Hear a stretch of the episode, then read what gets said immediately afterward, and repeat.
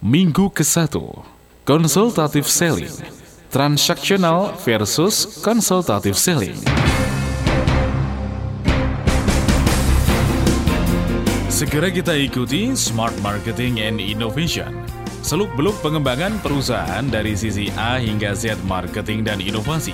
Bersama DSW pakar dan praktisi bidang marketing dan inovasi, sekaligus Business Development Director SLC Marketing.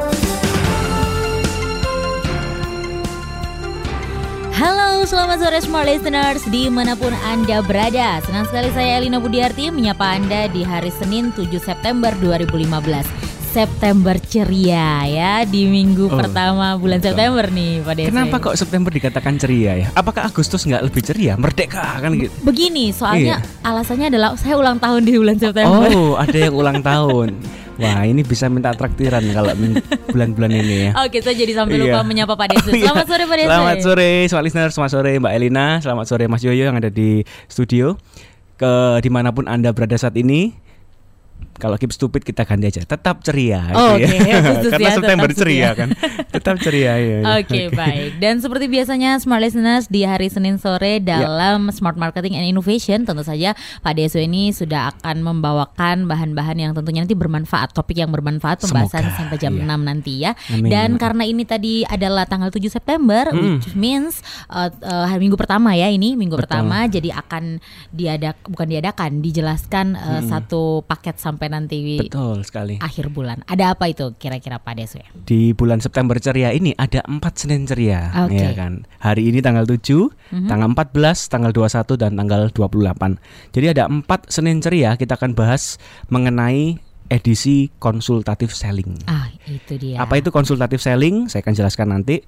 Tapi saya coba angkat dulu topik yang apa ya sangat-sangat kita mungkin setiap hari dengar di media massa ya Mbak Elina ya, ya tentang uh. krisis. Nah itu dia. Nah tentang krisis. Betul. Jadi gimana apa yang kita harus lakukan saat krisis? Saya coba memberikan uh, penawaran, yakni solusi praktis supaya bisa langsung dikerjakan. Kita stop dulu yang namanya iklan, bukan stop ya. Uh, kurangi dah gencarnya iklan ini belum tentu juga meningkatkan omset karena makanya daya beli masyarakat konsumen kan lagi turun. Mm-hmm. Tapi biaya iklannya juga masih sudah banyak yang promosi nih. Agensi-agensi sudah banyak yang diskon-diskon gila-gilaan karena mereka juga butuh omset untuk pasang iklan. Betul. Nah, tapi ini solusi yang sifatnya nggak mahal tapi langsung bisa di aplikasikan, aplikasikan mm-hmm. jadi konsultatif selling. Oke. Okay. Coba mengenai krisis sebentar ya, Mbak Ina. Saya punya berapa waktu? Oh masih banyak. Ini masih ada sekitar sebelum 10, kita break 6 menit. 6, 6 menit, oke. Okay. Krisis saya barusan yang dua bulan lalu ke China toh. Mm -hmm. Saya ke China. Mm, yeah. Ya belajar dikit-dikit lah karena mau masuk masyarakat ekonomi ASEAN. ASEAN betul. Ya, kan ASEAN nanti kan dengan China harus berkompetisi. Nah, saya satu kata dalam bahasa China itu krisis atau krisis itu mandarinya itu dua karakter kanji. Bahasa okay. dua karakter kanji Wei Ji Wei Xian de Wei itu artinya Wei-nya itu bahaya. Mm-hmm. Ji Hui de Ji, Ji-nya itu adalah peluang. Jadi orang China kalau ngomong Wei Ji itu krisis, mereka itu meyakini adanya dua kejadian sekaligus. Okay. Yaknya Wei-nya Wei Xian itu bahaya, tapi juga Ji-nya itu Ji Hui. Hmm. Ji-nya itu artinya peluang. Menarik ya, nah, jadi bisa melihat peluang di dalam bahaya betul. itu tadi gitu. Orang okay. orang China mengatakan Weiji krisis yang terjadi sekarang mm-hmm. itu juga sekaligus bahaya, tapi satu sisi juga sebagai peluang. Okay. Bahaya plus peluang sama dengan krisis. Nah, saya menyikapi itu apa yang harus kita lakukan di dalam kondisi krisis sekarang di Indonesia juga memang bahaya kalau kita nggak ngelakuin sesuatu pasti juga bahaya tapi kalau ngelakuin kebablasan tambah bahaya cepat bangkrut ya kan gitu kan betul. tapi harus hati-hati tapi kita melihat peluangnya nah peluangnya apa yang bisa kita lakukan ini solusi adalah uh, konsultatif selling itu dia konsultatif selling. Konsultatif selling. Jadi mm-hmm. pasti uh, dengan dengan konsultatif selling ini artinya menumbuhkan atau men, berusaha untuk menangkap peluang itu di Mena- tengah krisis ini. Tengah krisis. Nah, okay. Tetap bagaimana kita bisa mendapat omset, tapi kita tetap mengencangkan ikat pinggang. Okay. Supaya kita nggak uh, bahaya masuk bahaya. Mm, dan, ada empat minggu, nah, Mbak Mbak Ina ya. Mm. Ada empat minggu. Hari ini kita diskusi mengenai apa itu beda konsultatif selling versus transaksional selling. Yaitu apa beda konsultatif dan transaksional selling. Minggu depan kita akan diskusi mengenai bagaimana proses konsultatif selling itu sendiri. Mm -hmm. Konsultatif selling proses. Dua minggu lagi tanggal 21 September masih September ceria kita diskusi mengenai sales consultant kompetensi. Kompetensi apa yang harus ditingkatkan bagi seorang sales demikian dia bisa menjadi seorang sales consultant. Bukan hanya sales, bukan hanya sales force, tapi sales consultant. Artinya apa sih consultant? Bahwa seorang sales ini menjual layaknya seorang konsultan. Dia menolong, bukan menjadi produk pusher, nawari produk, bukan juga menjadi pemaksa, tapi dia menjadi penolong. Ini seorang konsultan sales consultant itu kompetensinya apa. Kemudian minggu terakhir tanggal 28 September oh, bukan Sumpah Pemuda ya, Sumpah Pemuda 28 Oktober, Oktober, iya 28 iya, September. oke. Hmm. Kita akhiri dengan sales consultant role, yaitu peran seorang sales consultant ini macam gimana apa? Hmm. supaya dia bisa melakukan konsultatif selling dengan baik. Oke. Jadi ada empat minggu kita top, topik hari ini fokus pada uh, beda Perbedaan. transaksional dan konsultatif selling. Mhm, Kita akan mengetahui ya dengan fokus juga fokus hari ini juga ada di menjelaskan lima perbedaan dari transaksional versus konsultatif Betul. selling. Ada itu. lima perbedaan. Sebetulnya banyak Mbak Elina. Mhm, Cuma mhm. mengingat waktu dan kita leb- lebih tepat ke inti sari daripada bedanya, saya ambil lima. Lima Sebenarnya saja. banyak lebih dari 8 kalau nggak salah 9 ya. Hmm, tapi Saya paling coba ambil lima itu sudah Menganggap utama. utama yang Hmm, paling penting untuk betul. kita pelajari. Oke, oke, oke. Ini masih ada waktu lagi sebelum break nih. Apa yang ingin Oke, disampaikan, Pak kalau ada Yusuf? waktu saya cerita aja. Ya, Sekali-sekali cerita ya boleh, boleh. ya? boleh, boleh. Kalau apa cakep terus kan nanti boring juga. Hmm. Satu kali ini ada satu perusahaan sisir, Oke. produsen pabrik Mhm. sisir. Mhm. Sisir bahasa Indonesianya suri. Suri, oh, Eh, bahasa Jawa. Suri bahasa Jawanya ya. Iya. Sisir ya. Oke. Sisir kayu kan macam gitu ya. Mhm. Nah, kemudian eh, apa namanya? owner dari pabrik ini punya dua orang sales. Oke, dua orang sales. Nah, dua orang sales. Sales A sama sales B lah B. katakan seperti itu ya. Mhm. Nanti kalau waktunya cut bilang ya Mbak Elina Ya, ya. Agak tenang. panjang ceritanya soalnya. Kemudian, Nah, kemudian si bos ini bilang, "Eh, sales, dua orang dipanggil. Lu habu- lu harus habisin stok di gudang itu. Ada 3000 piece yang belum terjual. 3000 Oh, batang 3.000 sisir yang sisir. belum terjual." Waduh bos, sales A bilang gini, waduh bos mana bisa? Semua kita sudah jual di di kota ini. Boleh nggak bos kita lempar keluar kota? Si bos marah, nggak boleh karena luar kota itu miliknya distributor kita. Oke. Kita nggak boleh jamal luar kota karena sudah area mereka. Terus gimana bos? Ya sudah saya nggak peduli kamu pikir aja. Bosnya kan gampang kalau Hmm, yang seperti aku itu yang ya. mikir susah ya gimana ini bosku ini. Nah sales yang B ngingetin sama sales A. Ehm, eh A kita sudah semua ke toko-toko kelontong sudah ke grosir juga sudah pasar grosir semua toko kita udah masuki. Coba satu yang belum kuil biksu yang Oke. ada di sedikit pinggiran kota. Hmm, Ya. hmm. Lu berani nggak ke sana? Si A ditanya ditantang si B. Ke kuil ya itu Kuil ya? kuil biksu. Oke. Ah, kuil biksu. Masa- Biksu itu biasanya Biasanya tidak berambut Nah, kan itu. tidak Nah, itu membutuhkan dia. sisir? Betul, Iya, tidak membutuhkan tidak membutuhkan sisir. suri. Hah. sales A bilang ya sudah besoklah kita coba. Aku berani aku maju duluan. Nah, Oke. besok singkat cerita besok si A ke apa ke kuil biksu itu menemui langsung si kepala biksu yaitu masternya ya Mm. kepala biksu ditanya ketemu dia langsung keluarin tuh dari tasnya biksu ini sisir luar biasa biksu kalau kita pakai sisir ini kulit kepala nggak akan tergores biksu Oke. biksunya cuma melongo dalam hitungan detik dia dikarat di kungfu ini ya kungfu Shaolin ya kena tendang kena pukul berantakan mukanya hancur ber- berantakan Dah, Ini aduh, si wah, sales A ya. si sales A Oke. jadi mukanya memar semua Hmm, hmm. Pulang siang dia pulang ke kantor kaget semua. Temannya si B dengan Hmm. bosnya tanya lu dari mana? Kok hancur berantakan mukamu? Iya bos. Tadi aku ke kuil biksu nawari nawari Sisir. sisir ini. Hmm. gimana caramu ngomong? Ya udah aku bilang seperti yang bos katakan. Sisir ini sangat luar biasa. Kalau kita pakai sisir ini nggak nggak aku nyakiti kulit kepala. Hmm. ya itu yang saya katakan bos. Makanya kamu dihajar seperti itu. Terus siang bosnya bilang eh B berani nggak lu coba besok? Waduh ya udahlah mau apa lagi karena semua sudah di, sudah dimasukin semua Hmm, hmm.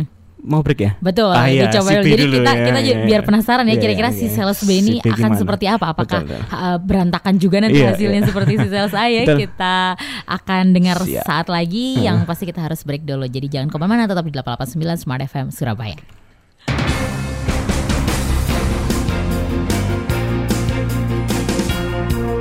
Smart Marketing and Innovation akan kembali sesaat lagi. Oke, smart listeners dari uh, tadi mungkin Anda sudah stay tune di 889 ya. Jadi kita sudah dengar sendiri tadi ada sedikit cerita dari Iya. sales A, kemudian sekarang giliran sales B nih Nah, yang untuk mencoba. Mbak Elina review dong. Mungkin teman-teman baru tune in toh. Boleh, Nah, coba. boleh. Jadi ceritanya uh, uh, sore hari ini Pak Desu sedang dalam uh, edisi dari konsultatif selling Iya. dan hari ini kita adalah fokusnya di transaksional versus konsultatif selling dan Hmm. tadi ada cerita yang disampaikan oleh Pak DSW mengenai sales A dan sales B yang Hmm. disuruh bagaimanapun caranya menjual 3000 pieces uh, Yang ada sisir yang ada di gudang. yang ada di gudang. Sementara semua tempat sudah didatangi kecuali satu tempat yaitu sebuah kuil. Ya, nih, kuil ya. biksu. Sales A sudah datang, kemudian eh, menya- eh, mendatangi seorang biksu di sana dan Hmm, dia kepala langsung biksu, ke- kepala. ah kepala Jadi biksu. tingkat lu- kungfunya itu paling tinggi lah benar. kira-kira. Betul, didatangi dan langsung ditawari sisir itu gitu. Hmm. Akan tetapi eh, yang dia dapat adalah malah kungfu Shaolin Iya, gitu ya, hancur berantakan. berantakan. Sekarang Untung giliran- aja nggak meninggal di tempat, oh udah bersyukur ya. Oke. Sekarang giliran sales B nih. Nah, apa saya- yang dilakukan ya? Sales B bingung semalam dia nggak bisa tidur mbak. Hmm, Elina. hmm, Waduh, hmm. siap-siap besok aku bisa diajar seperti temanku tadi pagi kan. Ya. Aduh gimana caranya? Itu dia Hmm, dia cari cari hikmat, cari wangsit dari Tuhan supaya besok nggak dipukul. Oke. Paling nggak sudah punya jurus lah, Hmm. kaki seribu dulu ya. Lari ya. Oke Oke. Hmm. besok eh, singkat cerita ketemulah dengan si kepala biksu lagi. Ya. Tapi dia waktu itu dia eh, datang eh, apa namanya yang dilakukan tidak seperti sales A, nggak langsung keluarin sisir. Oke. Apa yang dilakukan Mbak Elina coba tebak. Apa ya? sales itu ngapain? Eh itu Pak biksunya kan tidak Eh. mempunyai rambut ya. Mungkin Iya. dia bisa ngobrol dulu diajak ngobrol. Nah Mungkin, kira-kira oh, ngobrol apa? Eh, ngobrolnya apa ya? Iya. Langsung soal kalau saya sih saya jadi takut dulu kalau ya? saya jadi takut dulu takut tersinggung Takut Pak tersinggung, biksunya ya. karena produknya ini sisir gitu. Ah, saya penasaran oke. ini Pak Deswe. Oke, ini yang luar biasanya sales B adalah dia nggak fokus pada eh, aplikasi dari sisir. Kan sisir aplikasi sisir kan ra- rambutnya toh, dia nggak punya rambut. betul. Eh, yang dilakukan gini, wah biksu, ini kuilnya bagus banget ya. Ini ornamennya, ini asli ya biksu ya. Berapa ratus tahun sudah berdiri nih. Saya terakhir ini biksu ya, datang ke sini tuh jemaatnya kok ramai sekali. Hmm. Tapi saya baru hari ini datang sudah mungkin satu dua tahun lalu saya nggak ke sini. Kok kelihatannya tambah sepi ya biksu ya? Kenapa ya biksu ya? Oke. Itu pertanyaan pertama yang keluar dari si B. Bukan ngeluarin sisirnya, Bukan bukan, pula tanya, "Biksu kok licin ya, Biksu?"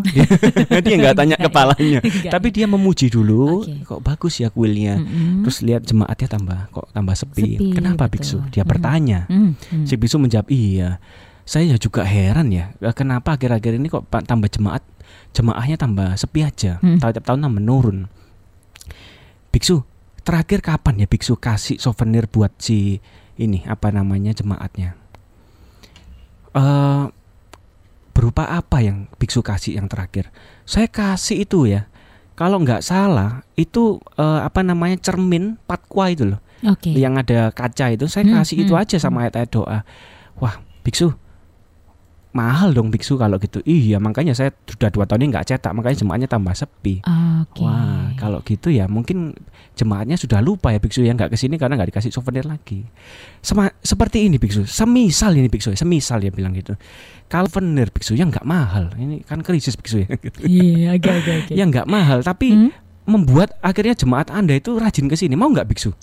Ya mau. Apa sih itu ya? Mau gitu. Hmm. Ini loh biksu, saya ini dari pabrik sisir biksu, baru dikasih keluar. Oke. Sisir ini biksu eh, bisa nanti saya bantu aja grafirkan ayat-ayat doa bahasa Mandarin, aksara Mandarin. Terus ini bisa jadi souvenir loh biksu, dikasih jemaatnya. Jadi kalau jemaatnya ini juga supaya mereka rajin berdoa. Kalau bayangkan biksu ya, bayangkan dia bilang gitu. Kalau ini yang terima si pria. Pria itu kalau setiap hari kan sisiran. Betul. Kecuali betul. saya rambutnya nggak usah sisiran karena kayak durian ya.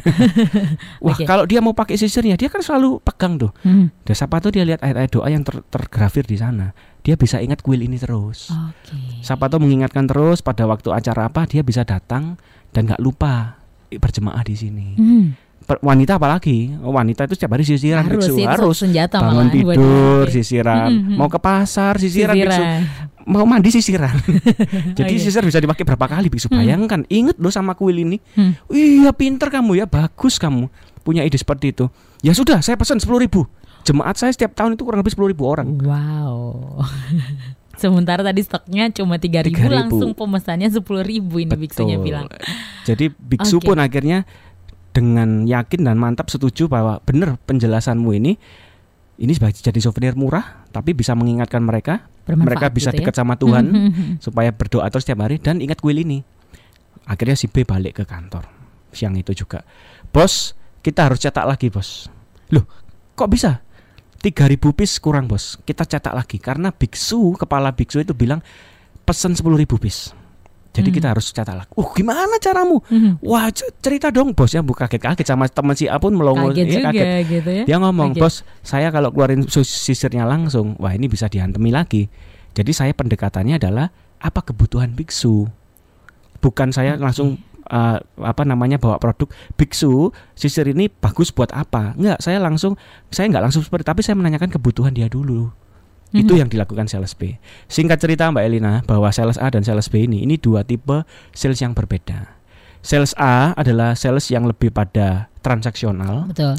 Sales B ini sales yang lebih fokus pada Konsultatif. konsultatif selling. Oke. Bagaimana seorang sales ini saat menghadapi calon klien, calon pelanggan, dia tidak berfokus pada barang yang dibawa, tidak fokus pada aplikasi ini untuk apa. Tapi lu butuh apa? Siapa tahu gua bisa bantu, gua kasih. Nah, Hmm. Cara berpikirnya itu sudah beda. Hasilnya pasti beda. Yang satu kena hajar, yang satu kena pesan 10.000 piece. Beda hasilnya. Yang dijual sama Mbak Elina. Mm-mm. Yang dijual sama dia mereka berdua bekerja di perusahaan yang sama. Bosnya sama. pelanggannya pun juga sama. Pelanggannya juga kan. sama, si Mm-mm. kepala biksu yang kemarin sama. Mm-mm. Tapi kenapa hasilnya bisa berbeda? Sedikit beda pendekatan. Ya, Hmm. hasilnya pasti beda. Itulah yang kita akan pelajari selama bulan ini, Mbak Elina. Bagaimana kita menjadi seorang sales consultant atau menjadi uh, orang atau sales yang menjalankan konsultatif selling, Mhm. macam sales B ini tadi ya. Oke, sales Nah, B itu, itu tadi. kira-kira. Pendekatannya juga beda tentunya ya, bukan Hmm. langsung transaksional seperti sales A tadi. Oke, Hmm. langsung saja ini masih ada waktu, Pak Deswe. Kita Hmm. masuk ke segmen pembahasan ya. Betul, ada lima Hmm. perbedaan antara transaksional dan konsultatif. Perbedaan pertama, Mhm. mungkin ada yang mau tanya kelihatannya Mbak Elina. Belum, bukan, belum, bukan, bukan. oke. Saya masih ngecek. Ya. Oke, ada lima perbedaan. Perbedaan pertama adalah product pusher versus problem solver. Ya, product pusher yakni yang orang makso-makso. Sales itu kenapa kok dihindari banyak orang?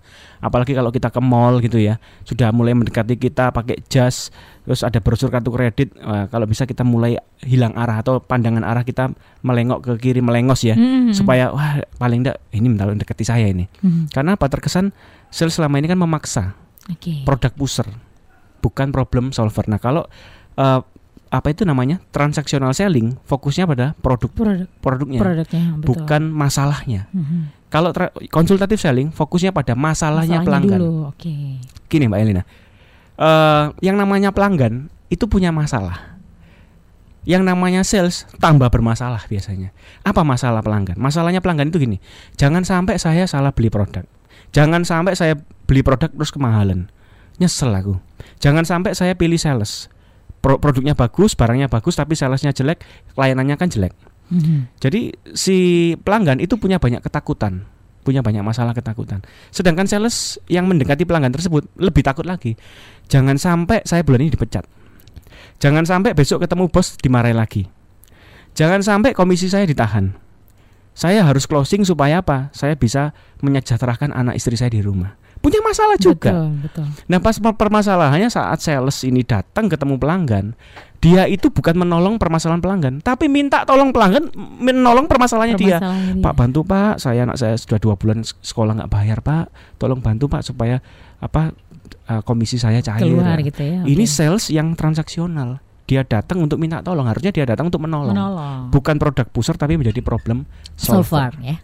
Nah. oke. Ini yang pertama Mbak Ilna. Yang paling penting dan paling utama adalah saat sales tersebut fokus pada fitur benefit produk, dia akan menjadi produk pusher. Saya ulangi, saat seseorang fokus pada fitur dan benefit produk yang dibawa, katalog atau brosur apa yang dibawa, dia akan fokusnya pada gimana cara jual produk ini. Bukan eh, apa namanya, gimana saat saya ketemu orang saya gali dulu kebutuhannya apa, sedemikian saya bisa bantu dia dengan produk yang saya punya. Kalau Hmm. produknya nggak punya, ya sudah, paling nggak dapat satu teman. Siapa tahu nanti dia mereferensikan temannya lagi untuk beli ke kita. Itu yang harus siap dikorbankan. bahwa saat ketemu orang bisa jadi dia nggak beli kita bisa jadi dia saat ini saja mungkin sebagai teman nggak jadi beli karena produk kita nggak cocok dengan kebutuhan dia tapi satu kali percayalah dan yakinkan bahwasanya orang ini akan ingat anda dan orang ini akan kontak anda eh itu temanku yang kemarin kamu cerita ke saya cari loh dia dia sendiri nggak butuh tapi karena kita bagus melayani dengan baik saat temannya dia temannya pelanggan itu Hmm. membutuhkan barangnya dia di- dia direferensikan loh mbak Elina. Oke. itu loh temanku mungkin butuh barangmu. Siapa tahu kamu bisa kontak dia. Lah kayak gitu akhirnya. Hmm, hmm, itulah hmm, seorang sales consultant. Hmm, hmm. itu beda pertama mbak Elina. Oke. fokus pada masalah yang dihadapi klien. Artinya bahwa seorang sales consultant ini bisa menjual tanpa alat bantu promosi sekalipun.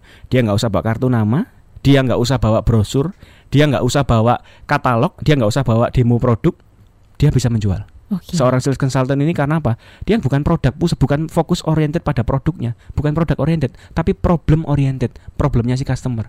Sedemikian apa dia nggak usah bawa atribut apa pun, asal dia bisa cakap, memang bisa gali kebutuhan, ngorek kebutuhan pelanggan, dia bisa jual. Itu perbedaan pertama.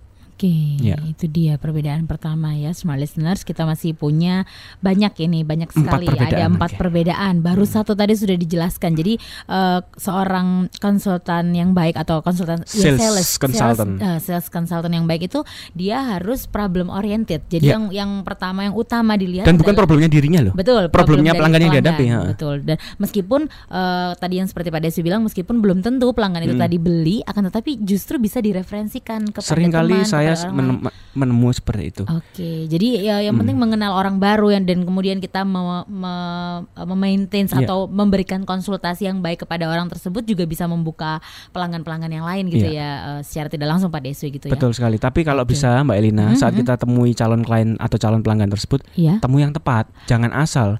Karena kita sudah wasting time, wasting energy, wasting waktu semua ya. Tapi akhirnya nggak jadi penjualan. Kita bodohnya kita toh. Sebisa Hmm. mungkin kita sudah menemui satu target yang memang tepat. Hmm, Demikian kalau memang nggak beli dari anda, ya belum jodoh lah kira-kira seperti itu kan. Oke. Tapi kita sudah dapat satu teman baru. Hmm. Ar- Artinya, wah enak wis jadi sales consultant nggak fokus jualan. Ya jangan Oh, begitu ya, juga. Siap-siap ya. dipecat sungguhan anda. Kira-kira kan gitu kan. Iya, iya, Siap-siap iya. kita dipecat oleh atasan kita. Hmm, hmm, hmm, hmm. Oke baik, jadi itu dia smart listener sudah ada perbedaan pertama nanti akan masih ada eh, empat perbedaan lagi tiga ya pak ya empat ya Empat, Oke, empat. empat Total perbedaan li- lagi lima totalnya ada perbedaan. lima perda- perbedaan dan nanti akan ada empat lagi yang masih dijelaskan oleh Pak Desu ya jangan ke mana-mana kita akan kembali lagi setelah jeda pariwara yang berikut ini.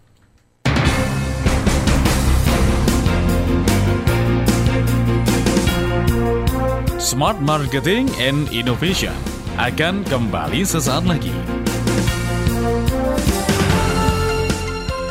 889 Smart FM Surabaya kita kembali lagi di studio Smart FM di sini sudah ada Pak DSW tentu saja ya untuk eh, narasumber tetap dari Smart Marketing and Innovation. Tadi sudah dijelaskan perbedaan dari transaksional versus konsultatif selling perbedaan yang pertama ya Pertama Pak ya itu yaitu product pusher versus, versus problem solver.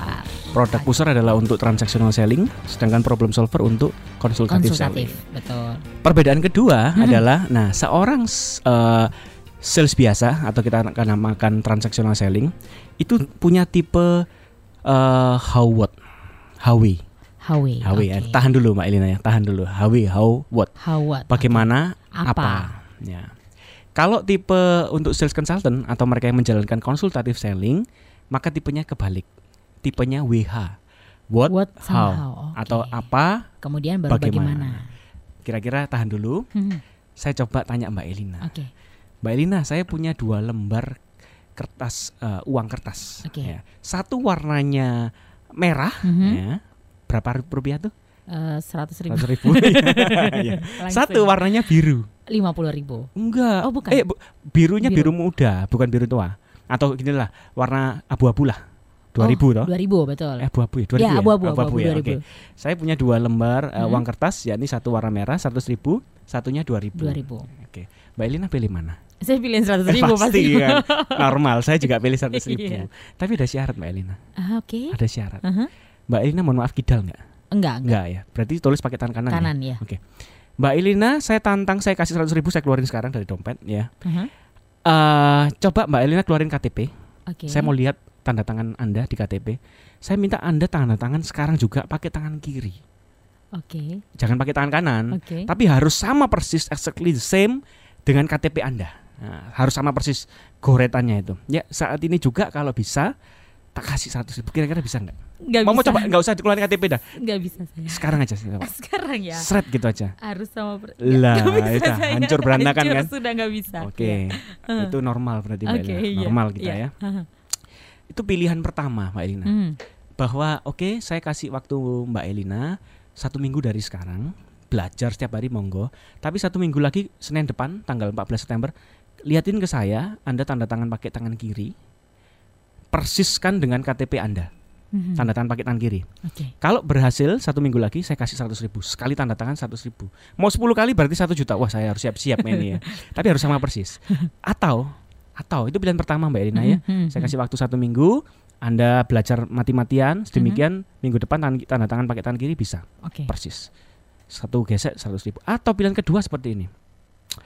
Mbak Elina eh, ha- malam ini juga saya bisa kasih 100 ribu. Nggak apa-apa Oke. tangan kanan.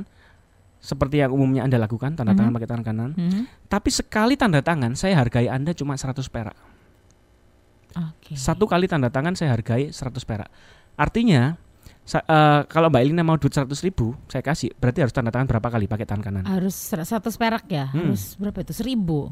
Eh, bukan, sorry, satu juta ya? Eh, oh bukan. enggak no. 100 ribu bagi 100 100 Oke, seribu. seribu, seribu. Kali iya, dong, ya. seribu. betul ya seribu. Mhm, ya, ya, seribu kali. seribu, seribu. saat ini eh, pilihan kedua Mbak Elina Anda tanda tangan seribu kali pakai tangan kanan seperti Anda lakukan tapi tak kasih 100 ribu. Cuman sekali ini aja. Jadi kalau tanda tangan tanda tangan 2000 kali atau 3000 kali nggak jadi 200 300 ribu loh ya. Maksimal cuman 1000 kali aja. Pilihannya susah-susah ini Pak Nah, tapi hari ini saya Hmm. kasih. Oke. Mbak Elina pilih mana pilih yang pilihan pertama tak kasih waktu seminggu belajar mati-matian untuk tanda tangan kiri sekali gesek 100 ribu sekali gesek 100 ribu. Jadi 10 kali gesek sama persis 1 juta. Atau malam ini juga saya kasih 100 ribu tapi tanda tangan 1000 kali pakai tangan kanan yang anda biasa lakukan. Hmm, pilih yang mana? Misalnya harus pilih ya, saya pilih, saya tetap pilih yang seribu aja deh.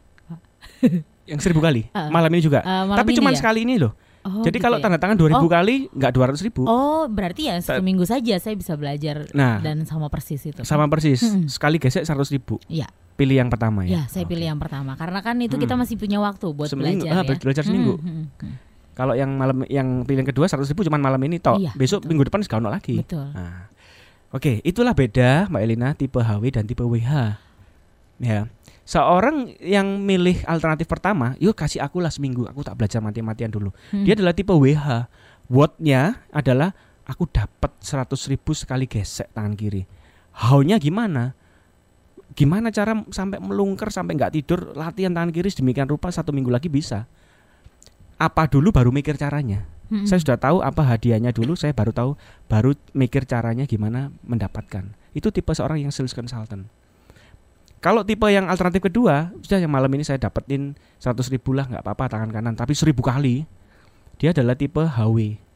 Kenapa? How-nya tahu, oh, saya biasa merem pun bisa kok tanda tangan pakai tangan kanan. Oke. How-nya tahu kan. Buat yang dicapai adalah 100 ribu, memang sama, cuma kan sekali malam ini aja Hmm, hmm, dia hanya em, apa ya seorang sales biasa ya sudah caraku gini ya ini yang tak pakai bosku ngomong gitu ya aku ngikutin bosku manajerku bilang seperti ini ya aku ikut apa kata manajerku Ya, memang caranya gitu how dulu dia di kepala how-nya How dulu. dulu, caranya oke. jual ya seperti ini dia how dulu jadi saat ketemu eh, calon klien calon pelanggan dia pikirannya cuma satu ya, ya aku pakai apa yang apa aku pelajari how-nya dulu tujuannya adalah menjual wordnya kan. Oke. Beda seorang sales consultant adalah word dulu baru how. Wordnya adalah satu membangun hubungan, bukan menjual. Dia men- menolong orang sebagai problem solver, penolong, bukan product pusher. Wordnya sudah di kepala, saya nolong dia. Jadi teman akhirnya kalau nolong kan, Mm-mm. betul nggak Mbak? Benar, benar, benar. Jadi teman Siapa pun kita baru kenal, kalau kita nolong orang di pinggir kita, kenal baru kenal, akhirnya jadi teman kok, pasti. benar. iya kan?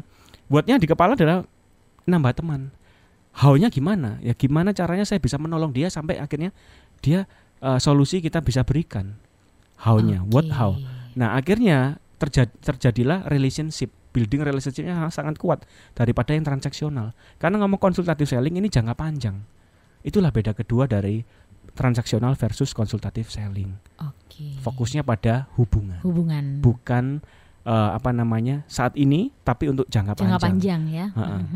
Sellingnya itu pada eh, berikutnya, nggak nggak bisa langsung detik ini terjual langsung. Hmm, fokusnya di hubungannya itu Betul, tadi dulu. Oke, baik. Nyambung Ya, dikit ya perbedaan ketiga, Hmm, masih ada boleh. waktu? Boleh. Masih ada, masih ada. Masih ada waktu ya. Hmm. Oke. Nah, untuk perbedaan ketiga adalah perbedaan yang disebut business to consumer B2C versus B2B business to business. Hmm. Oke. Kalau transactional selling lebih tepat dipakai untuk yang B2C business to consumer atau kita jual retail lah macam kita jual fashion, gadget. Mohon maaf bahkan yang SPG di training baru 1 2 jam yang lalu aja sudah bisa jual. Ini transactional selling. Jadi fokusnya pada retail. Mm-mm. Kalau yang B2B Anda menjual mesin yang sekian miliar, menjual insurance yang sangat rumit menjelaskan, betul, betul. menjual properti yang miliaran, ini juga nggak bisa sekali ketemu orang nganter klien, Hmm. Deal gitu ya. langsung. Wah itu mujizat terjadi.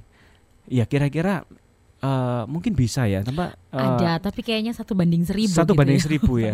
Mm-mm. Anda menggunakan hipno- hipnotis atau apa saya kurang tahu ya. Ini kalau kita ngomong manusia normal Oke, lah ya. iya, iya. Sales consultant yang normal bisa jadi nggak cuma satu kali, dua, tiga, empat kali appointment akhirnya baru bisa deal. Ah, karena Hmm. apa? Yang yang dijual adalah produk-produk yang sangat high involvement. Mm-mm. High involvement itu produk yang eh, dia baca brosur aja nggak mudeng kok kira-kira. Kalau produk low involvement kita ke Carrefour Mbak Elina, wih ini ono sampo anyar nih, sampo baru ini apa ya? Paling lihat sebentar bisa, nggak usah dia tanya Mas Mas Mas. Tolong Mm. jelaskan ingredientnya sampo ini Mas. Mm, nggak Di- mungkin, Dikeplakin dah gitu. Bisa di bisa dimaki orang kan gitu kan. Iya. Eh, ini kan low involvement produk, baca sendiri kan bisa Mm, aturan mm, pemakaian. Mm-mm. Tapi kalau yang high itu yang low involvement ya. Kalau high Hmm. involvement ini membutuhkan sales consultant, Betul. membutuhkan konsultatif selling.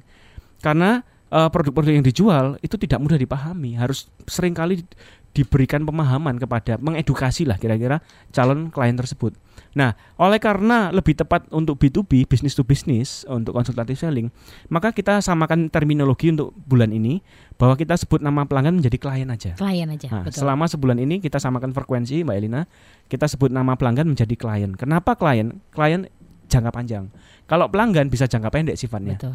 Dan yang dibeli klien ini mahal, kompleks produk dan jenis jasanya. Tapi kalau pelanggan biasanya sangat ya sudah ini ada cut- ada price list ya kan, dia tinggal pilih beli. Istilahnya eh, ready ready to buy lah kalau Hmm. yang B2C atau eh, transaksional. Tapi kalau yang konsultative selling atau sales consultant atau B2B ini custom made, Oke. tailor made istilahnya. Produknya sangat tailor made dan sangat customized terhadap kebutuhan klien tersebut. Kita samakan persepsi, Hmm. katakan klien aja. Klien. Nah, itulah perbedaan ketiga Ketiga. B2C versus B2B. Kita masuk di B2B-nya bulan ini. Kita bulan ini fokus pada pabrik atau Oke. B2B atau Anda jasa yang sifatnya high involvement product. Mm-mm. Mm. Silakan Anda bergabung khususnya Anda yang menjual produk yang nggak sekali ketemu akhirnya deal hari itu juga.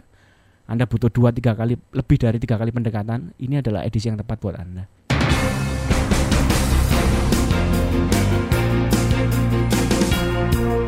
Smart Marketing and Innovation akan kembali sesaat lagi. Ya, Smart Listeners, kita bergabung lagi di Radio Smart FM 889. Saya langsung bacakan SMS dari Oke. yang masuk ini ya. Siap. Dari Bulia di Ya, Gresik. sore, ini. Bu Lia. Terima Oke, kasih. Selamat sore. Oke, pertanyaannya di mana tadi? Oh ini. Saya mempunyai klien orang Jakarta yang baru saja bertemu beberapa waktu lalu di Rumah Sakit Dr. Sutomo waktu waktu saya presentasi. Kemudian besoknya langsung daftar dan membeli produk kesehatan di saya cukup banyak. Hmm. Akan tetapi saya kehil dari oh dari PT eh, dari sebuah PT Mm-mm. dan saya kehilangan kontak. Saya hubungi lagi nggak bisa. Oh, jadi kehilangan kontaknya si orang Wah, itu. ini orang jenis PHP.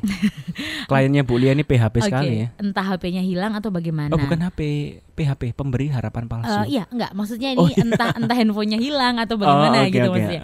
Kira-ki- Kira-kira Sorry, sebagai sorry. pendapat Bapak DSW, apa yang bisa saya lakukan untuk konsumen saya sedangkan saya Mm-mm. belum paham dengan kotanya karena Mm-mm. terkadang konsumen ingin kita visit ke tempatnya Mm-mm. tidak hanya sekedar SMS Betul. atau berbicara lewat telepon saja Mm-mm. apakah kalau kita kesulitan bisa meminta tolong ke atasan kita karena sebenarnya saya sangat Mm-mm. perjuangkan sekali gitu dengan juga membela Iya. perusahaan saya mohon Sangat. sarannya oke Oke, terima kasih Bu Lia. Saya percaya Anda ikut terus uh, talk show Mengikuti, kita ya. betul. Terima Hmm. kasih. Saya mungkin belum diinformasikan Mbak Elina tadi. Uh, Bu Lia tadi dapat kartu namanya si klien itu enggak? Nah, nanti bisa balas SMS-nya lagi. oke Karena kalau cuma kasih nomor HP, biasa kan minta dua nomor HP dan langsung miss call. supaya kita tahu ini nomor HP-nya dia atau kasih nomor HP ngawur, iya kan? Artinya sering terjadi yang Lah itu saya ini. tadi bilang banyak orang ngasih nomor HP yang PHP.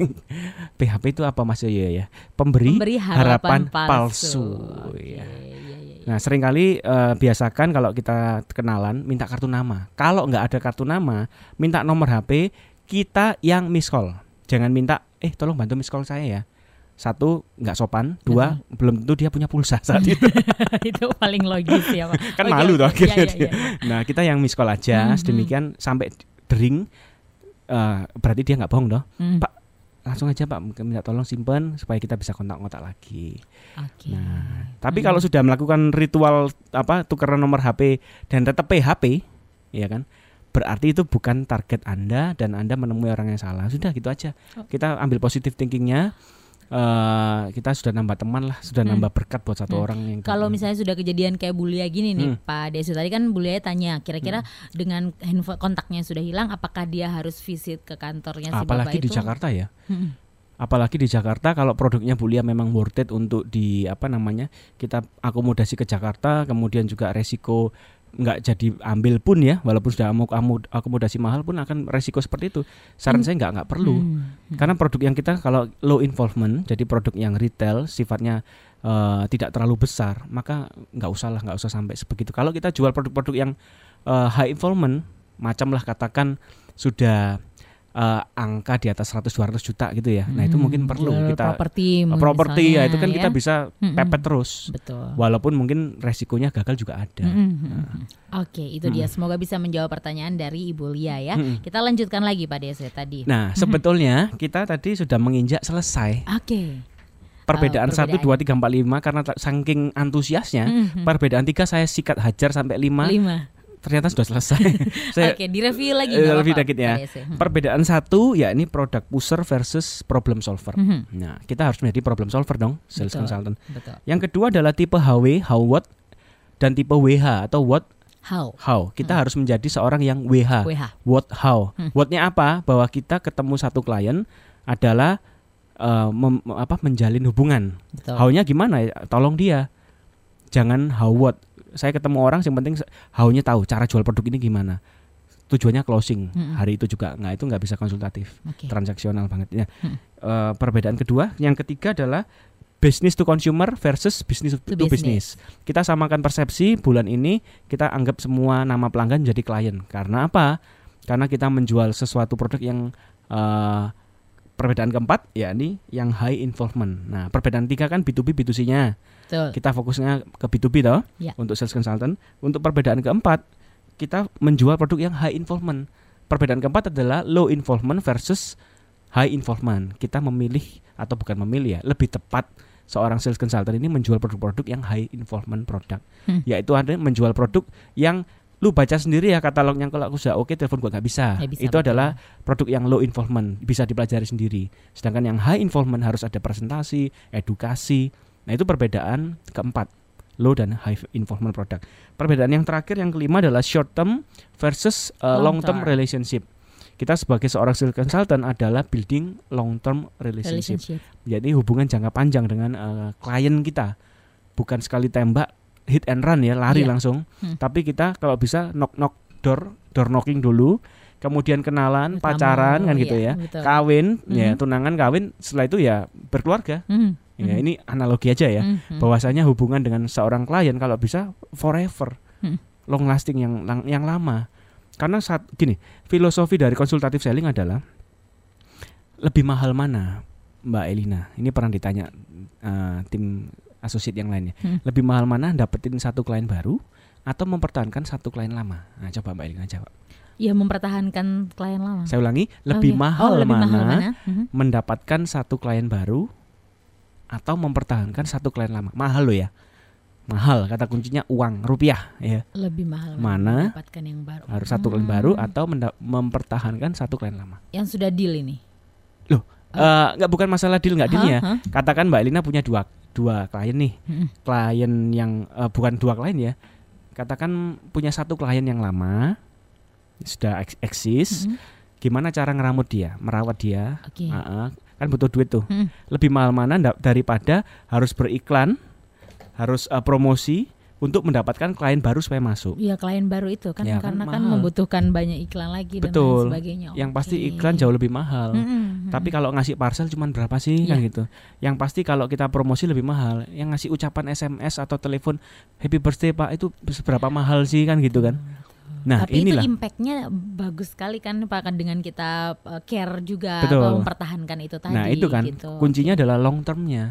Ya ini kalau bisa klien yang lama kita eh, layani sedemikian supaya dia akhirnya beli jasa lagi, beli jasa, beli produk, beli produk lagi.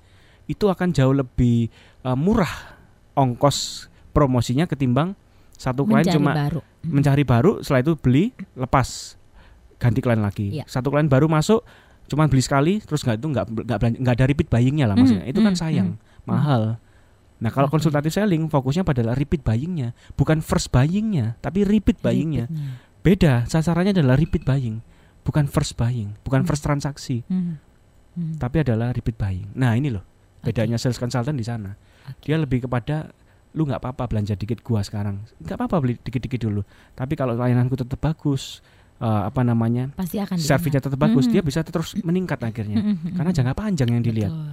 Betul. Kadang ada sales yang kecewa, misal tadi Mbak Elina tanya, Mm. kadang diarahkan ya. Iya. Nah, ada satu biasanya kan hmm, coba coba tanya. biasanya eh, yang ingin saya tanyakan tuh gini Pak Desi. Hmm. Jadi biasanya kan kalau kita didatangi seorang sales gitu, dia kan eh, juga memang manusiawi lah ketika dia mengarahkan seseorang atau melayan mengarahkan calon kli- klien kepada produk yang paling mahal harganya. Hmm, hmm. Padahal dia eh, padahal pelanggan atau bukan pelanggan sorry klien ya Hmm. calon klien ini belum tentu dia membutuhkan produk itu bisa juga produk yang eh, harganya menengah atau Hmm. bahkan yang sedang gitu kan. Hmm. Nah ini kira-kira seperti apa menurut Pak Desi sebagai seorang sales konsultan yang baik ini haruskah terus dipush buat beli yang paling mahal atau seperti apa? Oke. Em, saya punya berapa waktu? Masih ada karena tadi kita eh, mulainya lewat dari jam 5 ya masih ada masih Oke, sekitar iya. ada tiga menitan. Bukan tiga jam ya. Oke. Oke. Nah, gini Mbak Elina. Mm-mm. Kalau kita tahu ada empat macam negosiasi ya, Mhm. sekilas saya kasih cerita, yaitu Mhm. kalau kita sering dengar kan win-win tuh. Oke. Oh, kalau bisa win-win, ya kan? Ada pula win-lose. Ada lose-win, ada lose-lose. Mhm. Customer kalau bisa win, kita kalau bisa win. Win juga. Itu umum. Kalau Oke. bisa kan kayak gitu kan. Hmm. Nah, kalau customer digituin itu lumrah. Iya, kayak kita macam sales yang lainnya lumrah. Hmm. Tapi kalau kita bisa meras memberikan seolah-olah customer itu merasa win, sedangkan di mata mereka kita seolah-olah lose. Hmm. Paham ya maksudnya, Mbak? Ya, Kita bisa merasa bahwa mereka win, mereka merasakan wah aku win. Salesnya lose karena kasih diskon apa dikasih, apa dikasih kan Hmm, gitu. hmm. Padahal itu sudah skenario, sudah di Oke. skenario kan. Seolah-olah kita lose. Wah, itu customernya sewenang bukan main. Apalagi orang Surabaya. Nek iso nawar sampai entek kan gitu ya. Sampai ngomong aduh wis gak iso cuane iki Hmm. pokok harga modal kok. Hmm. Gak iso kok misalnya gitu ya. Hmm, Eh, seneng tambah. hmm. Iya, iya. iya. itu seolah-olah customer win tapi apa salesnya dianggap lose. sudah di skenario kan. Itu kondisi kedua Mbak Elina. Kondisi ketiga sedikit mengenai lose win. Hmm. Customernya lose, salesnya win. Salesnya win. Nah, itu yang tadi Mbak Elina cerita bahwa ini bagus kok, ini aja Pak, yang ini produk yang tepat buat Bapak. Diarahkan yang mahal Hmm, supaya hmm. Pak komisinya tambah besar toh. betul. Tapi setelah dibeli, yalah kok Ti- tahu gitu dia tega ya. Harusnya kan aku beli yang ini aja cukup. Betul, Keperluanku cuma nggak sesuai dengan Hmm. Benefitnya terlalu banyak nggak pakai semua akhirnya. Wah, awas sales ini kurang ajar dia jual untuk komisi. Hmm. Akhirnya apa customer merasa lose kan? Hmm. Si sales win karena apa komisinya besar cuman sekali. Oke. Coba dua tiga kali nggak akan beli lagi di sales itu. Ini adalah transactional selling yang ketiga. Customernya lose, salesnya win. Cuman sekali aja. Percaya, yakinkan dia nggak akan diorder lagi, nggak ada repeat buying. Karena fokusnya first transaksi, bukan repeat buying. Sedangkan yang keempat negosiasi yang lose lose, customer lose, uh, Salesnya lose. alias gak dodolan, tidak ada perjualan pembelian, tidak ada Hmm. transaksi. Hmm. Emang toh omset krisis seperti ini kan sebisa mungkin kan untuk cash flow ya, untuk Betul. penjualan untuk operasional Terus cost. Hmm. untuk operasional. Nah, jangan sampai yang keempat, mohon maaf, bodoh kan gitu. Hmm. Uh, customernya juga bo- uh, bodoh, salesnya juga bodoh. Mohon maaf karena apa? Arugan sama sama sama bahwa merasa unggul. Hmm. Perusahaanku bermerek kok kamu nggak mau nggak mau beli ya, Ya sudah udah, nggak usah paten, nggak paten. Hmm. Cari aja sales yang lain. Sombong. Customer juga merasa, waduh, apa gini aja nggak boleh didiskon, minta diskon baru aja sudah dimaki-maki. Awas aku cari sales lain. Akhirnya kan marah sama marahnya, dongkol sama dongkol, Hmm. nggak jadi transaksi kan. Transaksi, oke. Jadi Mbak Elina, saya ulangi, seorang sales consultant, Hmm. konsultatif selling harus seperti apa tadi? Seolah-olah Seolah-olah kita Customer-nya win. customer-nya win, kemudian salesnya yang lose. lose. Padahal Oke. kita sudah skenario kan sedemikian rupa secara hitungan manajemen kita nggak lose. Mm-mm, mm-mm, Tapi itulah konsultatif selling. Jadi seorang konsultatif selling yang baik ya tidak tidak hanya mengarahkan kepada produk yang paling mahal saja gitu Iya, kan ya betul. Pak Deswe. Mm-mm. Oke, Juga bukan pula win-win karena itu sudah umum. betul. Mm-mm. Oke, ini saya pengetahuan baru. Ternyata Iya. win-win itu sudah umum, terlalu umum, terlalu mainstream. sudah. Kita cari Oke. yang anti mainstream. Oke. Nih ya. itu Baik. untuk menjawab pertanyaan Mbak Elina. Konsultan Oke, sales siap. ada lima perbedaan bisa diulangi Mbak Elina? Ada lima perbedaan Ya. smart listeners. Jadi yang Dengan pertama transaksional ya. Ya, tentang eh, transaksional versus consultative selling. Yang pertama perbedaannya yaitu product pusher versus problem solver di mana consultative selling yang baik itu harus eh, menjadi problem solver Yes, ya. Kemudian yang kedua di perbedaan yang kedua yaitu ada yang pertama tipe how dan juga what versus tipe what dan juga how dan consultative selling yang baik itu harus menggunakan tipe yang kedua yaitu what dan juga how. Masih ingat 100 ribu Mas satu minggu gesek tangan kiri aja. Betul. Yang penting eh, Jangka apa? panjang. Eh, jangka panjangnya Iya, gitu ya. mm, betul. Kemudian perbedaan yang ketiga yaitu business to consumer versus business to business karena eh, jangka panjang tadi itu, Mm-mm. maka kita konsultative selling yang baik itu adalah business to business gitu. Bukan eh, lebih tepat digunakan Betul untuk kalau kita business, business to business, business, gitu. ah. Jadi bukan yang hanya Retail jangka ya, pendek jangka atau pendek. eh, yang misalnya eh, jual gadget, jual fashion betul nggak betul perlu. bukan yang seperti itu. Kemudian di perbedaan keempat yaitu eh, yang ingin produknya ini produk Ah, yang ingin produknya. dijual yaitu low involvement product versus high involvement product. Kalau Hmm. misalnya produknya sudah high involvement berarti kan itu pikirannya Perlu sudah perlu edukasi, edukasi. presentasi, ketemu nggak cuma sekali, Betul. dua tiga kali appointment. Betul. Itulah sales consultant harus high, pilihnya lebih tepat high involvement product. Benar. Yang terakhir, Yang terakhir yaitu short term relationship versus long term relationship. ya di mana eh, sebagai seorang konsultan sales konsultatif itu eh, dia yang dipikir sudah sudah penjualan long term jadi meskipun tidak beli hari ini atau beli hari ini hanya sedikit seperti yang Pak Desi tadi sampaikan at least sudah menjadi satu orang klien yang dipegang kemudian jangka panjangnya bisa didapat gitu kan ya Pak Iya, Desi ya oke baik Pak Desi fokusnya pada repeat buying bukan first transaction. betul ada lagi mungkin yang ingin disampaikan Pak Saya Desi? rasa cukup lima perbedaan. Oke. Ya, Hmm, hari ini ini. sebenarnya masih banyak yang ingin saya tanyakan. Ada pertanyaan yang juga Waktunya yang ya. hmm, ti- tidak bisa saya tanyakan karena waktu juga ya yang Hmm. harus membatasi. But it's okay kita masih punya tiga kali Tiga lagi, minggu lagi. tiga minggu Tiga lagi. minggu Senin ceria. Senin ceria untuk membahas tentang consultative selling. Ya. Jadi kalau begitu terima kasih untuk smart listeners juga yang sudah bertanya tadi ada Ibu Lia yang sudah mendengarkan juga dari pukul 5 tadi. Terima kasih banyak. Kita ketemu lagi di Senin depan. Ya tentunya juga dengan Pak Deswe. Akhir kata saya Elina Budiarti dan juga Only marketing can drive innovation. Saya DSW, Dr. Sandi Wayudi, Business Development Director SLC Marketing Inc. Hanya, untuk Smart FM. Mitra bisnis, jika Anda merasakan manfaat luar biasa dari seri Marketing Innovation Lesson ini dan ingin mendapatkan versi lengkap yang sudah disusun per judul berupa CD maupun podcast, sedemikian bisa dipelajari lebih mendalam, silakan kunjungi website kami di www.slcmarketinginc.com atau ke Shopee official store kami di SLC Marketing. Anda bisa mendapatkan harga spesial dari kami. Ikuti terus knowledge sharing dari kami. Saya DSW Dr. Sandi Wayudi, Presiden SLC Marketing Inc., founder of Connectpedia. Sukses untuk kita semua.